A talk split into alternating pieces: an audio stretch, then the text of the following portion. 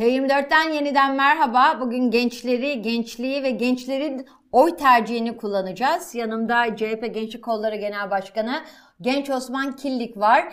Ee, tabii ki önümüzdeki seçimlerde biliyorsunuz Türkiye tamamen seçim satım haline girdi. İklim tamamen seçim odaklı, e, siyasi iklim tamamen seçim odaklı. 6.3 milyon genç ki seçmen listeleri daha netleşmedi ama oy kullanacak ve bu oylar ilk defa oy kullanan genç oyları hangi partiye gidecek sorusu hemen hemen bütün siyasi partilerin sorusu ve buna yanıt aramaya çalışıyorlar. Bütün partilerin derdi gençlerin oyu. Ben hemen Genç Osman Killi'ye sormak istiyorum. Siz CHP Gençlik Kolları Başkanısınız evet. ve yeni seçildiniz 4 ay önce. Konya'dan seçildiniz. Ee, Konya gençliğini biliyorsunuz ama Türkiye gençliğini de yavaş yavaş tanımaya başlamışsınız evet, evet, herhalde. Evet. Geziyorsunuz çünkü. Gençler neden CHP'ye oy versin? Yani şöyle öncelikle bunu şöyle değerlendirmek lazım. Gençlerin bir değişim isteği var. E, bugünkü yönetim tarzından ve anlayıştan çok memnun değiller. E, bunun için gençlerin değişim isteğinin bir karşılık bulması gerekiyor. E, bu noktada tabii bu karşılık bulmasına talip olan siyasi partiler içerisinde Cumhuriyet Halk Partisi onların dilini en iyi konuşan, onlar gibi konuşan ve onların beklentilerine en iyi karşılık veren parti. Bu konuda zaten anketlerde de aynı şekilde Cumhuriyet Halk Partisi'nin oranının gençler arasında çok yüksek olduğu görülüyor. Tabii ki bu bizim için bir rehavet konusu değil. Daha da yüksek olması için mücadele veriyoruz. Arkadaşlarımızın hı hı. E, tamamının bizim seçmenimiz halinde olmasını çok arzularız. Çünkü CHP öncelikli olarak bu ülkenin değişim isteğinin öncü gücü olması gerekiyor. Öncü gücü olmak için uğraşıyor. Ve bu konuda gençlerin vaatlerine, gençlere yönelik vaatleriyle gençlerin beklentilerine karşılık veriyor. Bu noktadan dolayı Cumhuriyet Halk Partisi gençlerin tercih olması, olmalıdır diye düşünüyoruz. Peki sonuçta genel yanıtlar veriyorsunuz. O yüzden ben biraz daha tabii özelleştireceğim. Ki, ki. Genç Osman Killik aynı zamanda Konya Gençlik CHP Gençlik Hı. Kolları'nın başkanlığını da yaptı. Genç Osman Killik neden mesela CHP'ye girdi? Neden CHP'den siyaset yapıyor? Tamamen kendi hayatınızdan yola çıkarak açıklamanızı istesem gençler neden CHP'ye oy versin? Yani şöyle birincisi bir genç olarak bir yaşam tarzı vardır. Herkes hayatının belli bir döneminde bu gençliği yaşıyorlar ve daha çok özgür yaşamak ister gençler. Kendilerini rahat ifade edebilmek ister. Kendisine çok karışılmamasını, ailesi dahil kendisine çok karışılmamasını ister. Ama bizim mevcut yönetim anlayışımız bırakın aileyi mevcut yönetim anlayışımız gençlere doğrudan bir baskı kurma üzerine bir anlayış sergiliyor. Ve bu noktada gençler çok rahatsızlar bu tavırdan. Bu üstenci tavırdan çok rahatsızlar. Mesela siz rahatsız mıydınız? Ben de yani ben de çok rahatsızım çünkü e, ben Konya'da büyüdüm. Ee, benim bulunduğum şehirde çok büyük bir gençlik nüfusu var. Türkiye'nin kalabalık şehirlerinden bir tanesi. Ama gençlerin kendilerini sosyalleşebilecekleri çok az alan var. Hı hı. Çünkü iktidar partisinin belediyesi tarafından yönetiliyor. İktidar partisinin çok sayıda milletvekili var. Ve o gençlerin isteklerine, gençlerin eğlence isteğine, gençlerin kendini ifade edebilme isteğine, gençlerin sanat isteğine ya da gençlerin özgürce yaşamına çok bir imkan alanı açılmıyor gençlerin kendilerini ifade edebilmekten ziyade aynı zamanda işsizlik gibi çok temel bir problemi var. E, bunun da etkilerinin çok yoğun görüldüğü bir şehir olmasından kaynaklı. Ben mesela Konya'da arkadaşlarımla bu şeyi hissedebilenlerden bir tanesiydim. E, bu noktada kendini otomatik olarak öncelikle muhalif olarak kodluyorsun. Çünkü istemek, yaşamak istediğin yaşam tarzına çok alan açılmıyor. Bu konuda kendini orada kodluyorsun. Daha sonrasında tabii buna uygun, kendi dünya görüşüne de yakın, kendini çünkü belli noktalarda bir şeyler okuyorsun, bir görüşten etkileniyorsun, o yola şey gidiyoruz. Ben Cumhuriyet Halk Partisi'nin kendi düşünce tarzıma en yakın ve kendimi en rahat ifade edebileceğim yer olduğunu düşündüm. Orada siyaset yapmaya başladım. Mesela bugün... genç Osman Killik kendisini solda mı tanımlıyor? Solcu tabii ki, musunuz? tabii ki ben bir solcuyum. Yani e, böyle bir ortamda yetişmesem bile özellikle lise döneminde okuduğum kitaplar, e, çevremdeki sohbetler, araştırmalar vesaire beni çok etkiledi. Yani birkaç kitap vardır mesela ben sosyalizmin alfabesini okuyarak aslında çok etkilenmiştim. İlk defa bir sol düşünceyle o kitabı okuyarak internette görüp merak etmiştim. Sonra John Steinbeck'in Gazap Üzümleri kitabı vardır. Hı. Onu okudum. Yani evimizde bulunan bir kitaptı. Tesadüfen üst üste gelince. kölelik sistemini anlatıyor. Aynen çok çok etkiledi mesela o beni. Yani biraz düşünce yapım, dünya görüşüm oraya doğru evrilmeye başladı. Sonrasında özellikle üniversite döneminde yoğunlaştı.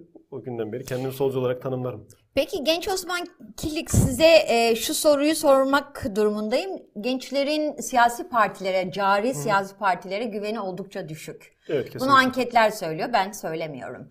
Ya bu güvenin nasıl kazanacak sınız gençliğe kazanmak için, gençliğin oyunu almak için?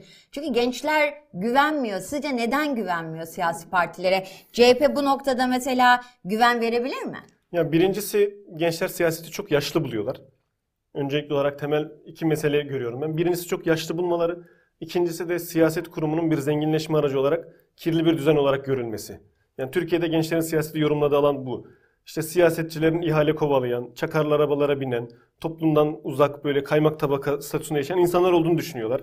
Ve siyasete girdikleri zaman kendilerinde kirli, kirli düzenin bir parçası olacak düşünecekleri için uzak durmaya çalışıyorlar. Ve Böyle siyaseti bakıyorlar değil mi? Mevcut Evet, siyasi. ve de siyaseti çok yaşlı buluyorlar. Öncelikli olarak e, ben Cumhuriyet Halk Partisi'ni bu noktada biraz ayırmak isterim. Kendi bağlı bulunduğum parti olmaktan ziyade. Meclisteki siyasi partilerin içerisinde gençlik kotasına sahip tek parti. Bizim partimizde bir gençlik kotası var. Yani partinin merkez yönetim kurulu oluşturulurken de, parti meclisi oluşturulurken de %20 gençlik kotasına en az %20, bu il ve ilçe örgütleri için de geçerli. En az %20 genç bulundurmak zorunda parti. Bunu bir tüzük maddesi haline getirmiş. Ve bu noktada gençlerin kendini ifade edebilmesi çok kolaylaşıyor. Gençlerin siyasete katılımı teşvik edilmiş oluyor. Oradan ayırabilirim. E, biz bu noktada siyasetin gençleşmesi anlamında CHP'de bir ivme görüyoruz. E, bu diğer düzeni de değiştirebilirsek, yani siyasetin o kirli görünen yüzünde değiştirebilirsek gençlerin çok daha ilgili olacağına inanıyorum. Zaten çok büyük bir ilgi var bu arada gençlere politika konusunda. 10 yaşındaki çocuklar sokakta ekonomi konuşuyor. Yani toplumda herhangi bir şekilde ilgi yok siyasi konulara den, denilemez. Ama siyaset yapmaya bir ilgisizlik var. Yok sadece tabii ki siyaset sadece sandığa gidip oy vermek ya da Evet. X partisinin içinde siyaset yapmak değil. Siyaset hayatın her alanında Tabii ve ki. dediğiniz gibi 10 yaşındaki gençler de ülke ekonomisine dair kafa yormak durumunda bugünkü Türkiye'de. Şunu merak ediyorum ben. Ee, siz dediniz ki gençler ya- siyasetin, yaşlı siyasetten ve o bildiğimiz kirlenmiş siyasetten ciddi anlamda muzdaripler. Mesela siz Gençlik Kolları Başkanı seçildikten sonra arkadaşlarınız sizden uzaklaştı mı? Yani doğal habitatınız değişti mi? Evet.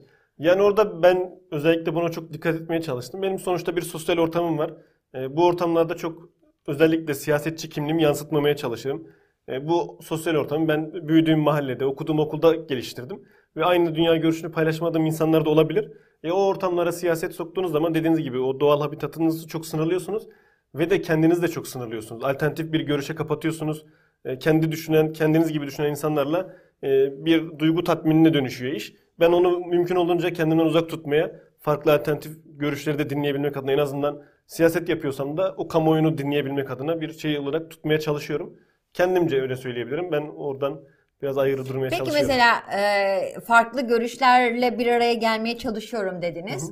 Yani ülkücüde mi konuştuğun yani o bütün o siyaset yaptığınız çevrenin içinde ülkücü görüşten gençler de var mı? Daha liberal, daha sosyal demokrat, daha sosyalist görüşten Tabii ki, yani- gençler var mı? Şöyle yaşadığım şehrin bir e, siyasi kimliği var. Yani Konya, Muhafazakar. Evet, Konya bu anlamda hani Türkiye'de belirli statülerin içinde sınırlanabilecek bir şehirdir. O, o çevreden, o dünya görüşünden çok insan var arkadaş çevremde. Çünkü e, bu sadece arkadaş çevrem değil, benim komşularım, akrabalarım, okul arkadaşım, iş arkadaşlarım. E, bir noktada o sizin saydığınız kimliklerin tamamından çok sayıda dostum, tanıdığım var muhakkak. Hı hı. Peki biz e, yarın yapacağınız kampanyaya bir gelelim hızla. Yarın Kadıköy'de e, yeni bir gençlik kollarının yeni bir kampanyasını başlatıyorsunuz. Kapı kapı dolaşacaksınız. Evet. Ne demek bu? Kapı kapı dolaşmak. Yani kapı kapı dolaşmak dediğiniz siz vurguladınız 6.3 milyon ilk defa oy kullanacak genç seçmen var Türkiye'de ve bu toplam seçmenin %11'ine neredeyse tekabül ediyor. Çok ciddi bir sayı. O yüzden dolayı da tüm siyasi partilerin gözü o noktada. Ama tabii tüm siyasi partilerin gözünün o noktada olması gençler için çok kıymetli bir şey değil. 20 yıldır hemen hemen bütün ömürlerini tek bir siyasi partinin yönetimi altında geçirdiler. Ve oranın yeni bir şey vaat etmeyeceğinin farkındalar. Hani bir şey yapabilecek olsa zaten 20 yıldır yapardır diye bakıyorlar. O yüzden arayıştalar.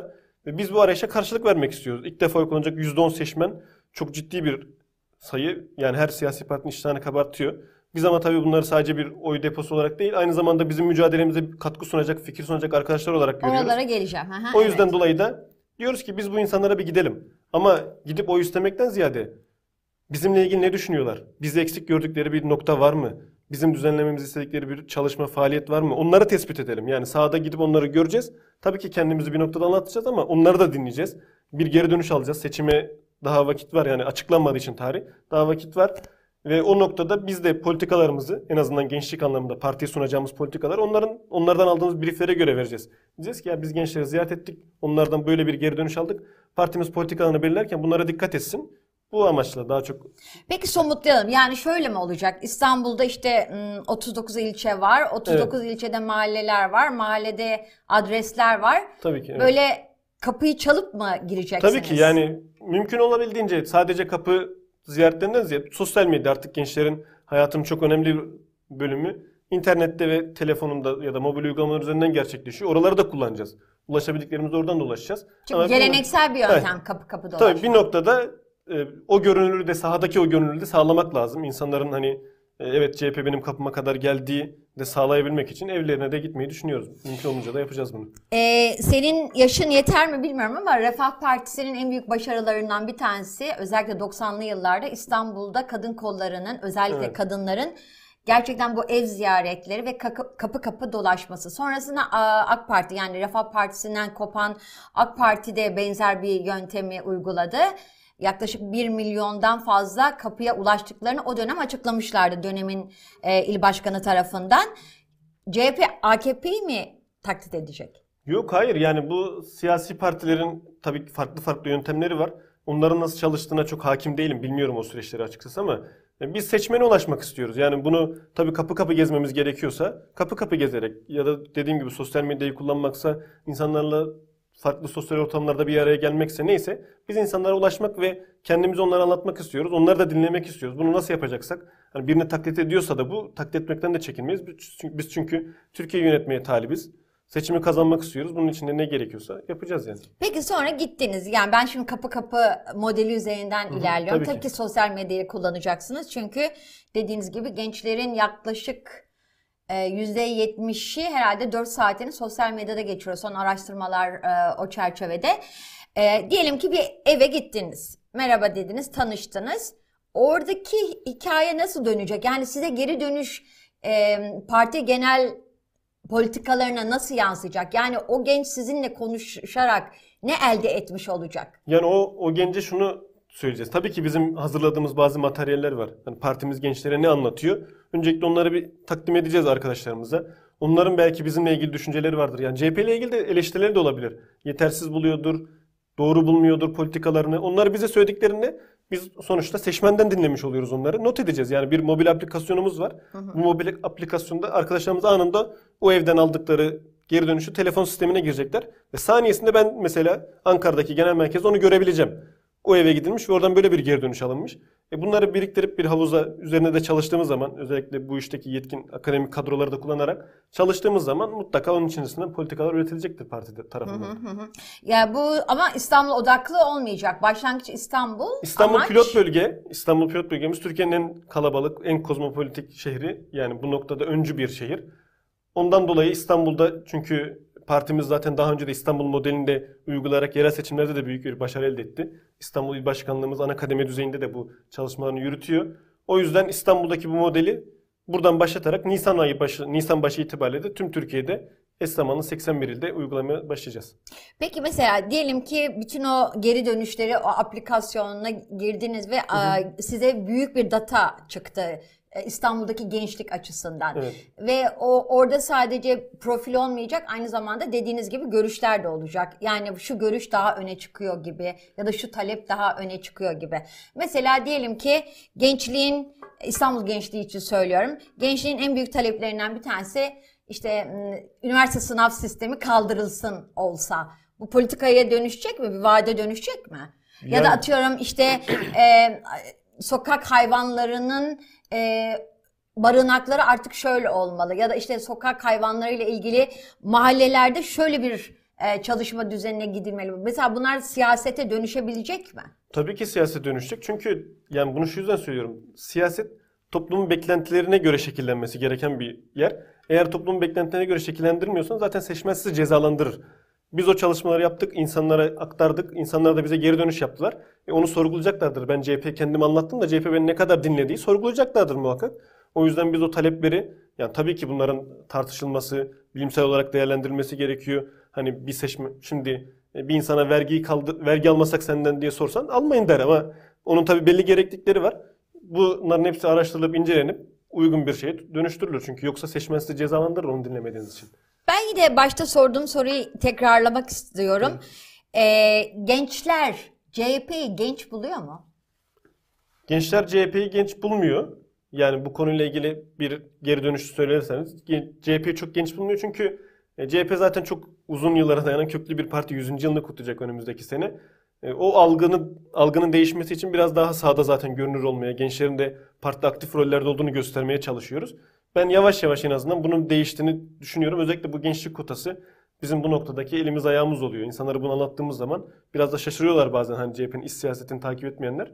Ben genç bulmasalar da özellikle son dönemlerde bir gelişme olduğunu düşünüyorum. Mesela Kılıçdaroğlu'nun o gençliğe seslenen videoları Evet. var ya e, işte hem internet yasakları olmayacak e, açıklamaları işte şu kadar gigabyte hediye açıklamaları vesaire vesaire. Onlar gençlikte karşılık buluyor mu gerçekten? Tabii ki karşılık buluyor. Yani bu şöyle, e, genel başkanımızın bu yaptığı çalışmalar da aslında gençlerin beklentilerine göre, bu söylemler de onlara göre oluşturuluyor. Tabii genel başkanımızın söylediği şeyler belki demokratik, gelişmiş ülkelerde konuşulmaması gereken şeyler. Yani in- insanların internete erişimi bugün Türkiye'de tartışılıyor. Ama ne yazık ki Türkiye gençliğinin böyle bir problemi var. O gençler internete erişmekte dünyadaki en kötü internet altyapılarından birine sahip. Avrupa sonuncu- sonlarında Türkiye. Mesela bu karşılık buluyor. Bunu sahaya çıktığımızda görebiliyoruz. Çünkü insanların böyle bir beklentisi, ihtiyacı var. Genel başkanımızın o demokrat amca kimliği, özellikle o videolarda direkt doğrudan gençlere seslenmesi internet analizlerinde de görürsünüz çok büyük etkileşimler alıyor. O yüzden ben karşılık bulduğunu düşünüyorum kendi açımdan.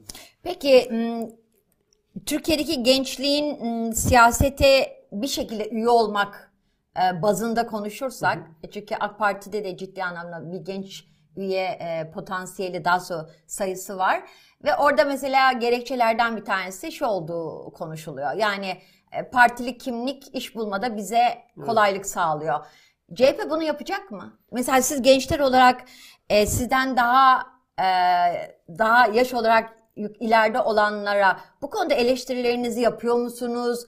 Karşılık bulabiliyor musunuz?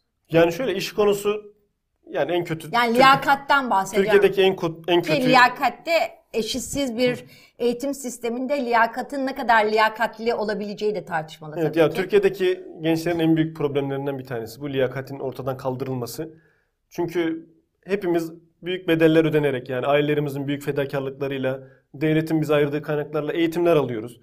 Bu noktalarda ömürlerimizin büyük bir kısmı eğitim hayatında geçiyor ve sonrasında bizim önümüze bizden daha az puan almış olmasına rağmen başka siyasi partilere, başka vakıflara bağlı oldukları için insanlar geçiriliyor. Bu bir kere bu ülkedeki gençliğe yapılmış en büyük ihanetlerden bir tanesi. Bu yüzden zaten ülkedeki gençlerin %70'i 80'i bir an önce Türkiye'den ayrılabilmenin derdine düşmüş durumda. Mesela sizin var mı çevrenizde öyle gençler? Tabii ki yani bir insan mesela 90 puan 95 puan almış KPSS sınavından. Türkiye birincisi, ikincisi, onuncusu olmuş. Mülakatta elenmiş. Onun yerine Türkiye'de 3000. olan birisi mülakat puanının önüne geçirilmiş. Yani bu arkadaşın Türkiye'den ayrılmama gibi bir düşüncesi olabilir mi? Diyecek ki ben bu ülkede yaşamak için ne yapabilirim ki daha? Sınavında başarılı olmuşum, uzun zamanlar ayırmışım, ailem bedeller ödemiş. Demek ki bu ülke beni istemiyor. Yani benim burada geçinmemi, barınmamı, çalışmamı istemiyor. Ben başka bir alternatif arayayım diyor. Çevremde çok da bu sayıda insan var. Ama muhakkak ki bu düzen değiştiğinde değişecek ki inanıyorum ben buna. Bu düzen değiştiğinde o insanlar bu ülkede kalmak isteyecekler. Bu ülkede kalmaları için de biz elimizden geleni yapacağız. Bu, bu anlamda liyakat meselesinin Türkiye'deki en büyük yaralardan bir tanesi olduğunu söyleyebilirim. Çünkü bu ülkeye ait inancı öldürüyor gençlerdeki. En büyük verdiği zarar o. En kıymetli beyinlerimiz Avrupa'ya, başka ülkelere gidiyorlar. Bu bu ülkeye yapılmış çok büyük ihanetlerden bir tanesi. Son iki sorum olacak. Diyarbakır'a gittiniz genel Evet. başkanla beraber. Diyarbakır gençliğiyle de e, istişarelerde bulundunuz, bir araya geldiniz, toplantılar yaptınız. Diyarbakır'daki gençliğin talepleri, İstanbul'daki gençliğin talepleri çok farklı mı? Hiç farklı değil. Yani tabii ki belli bölgesel dengeler ve hassasiyetler var. Küçük bir dilimi diyebilirim Mesela ama Kürtçe buna. e, cümle öğrendiniz mi hiç Evet, yani- Öyle seslendiniz mi? Evet şeyde açılışta bir e, Kürtçe selamlama yaptım. Çünkü o bölgedeki yani çok da alkış aldı o insanlar tarafından sevildi. Çünkü onların ana dili. Konya'ya döndüğünüzde yadırgandınız mı? Yok çok yadır yani ben Türkiye'de artık bu meselelerin çok konu olduğunu inanmıyorum. Başka gündemleri var Türkiye'de insanların.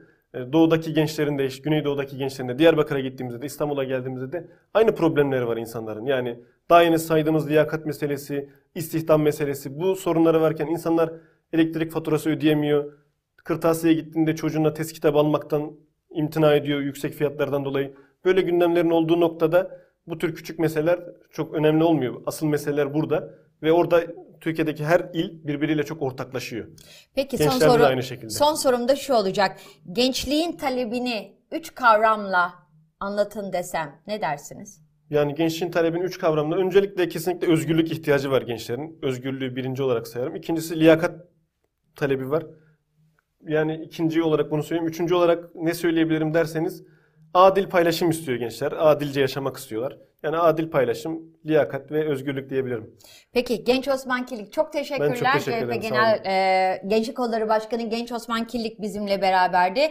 Tabii ki e, yarınki kampanyanın yani kapı kapı dolaşma, gençliği kapı kapı dolaşarak örgütleme kampanyasının takipçisi olacağız. Sonuçlar sonuçta bir data olarak genel merkezde toplanacak, gençlik kollarında toplanacak. O sonuçlardan ne çıkacak, İstanbul gençliği ne istiyor, bütün bunların ta- takipçisi olacağız. T24'te kalın, bizde kalın, hoşça kalın ve tabii ki YouTube kanalımıza üye olmayı unutmayın. Sizin desteklerinizle ayaktayız. İyi akşamlar.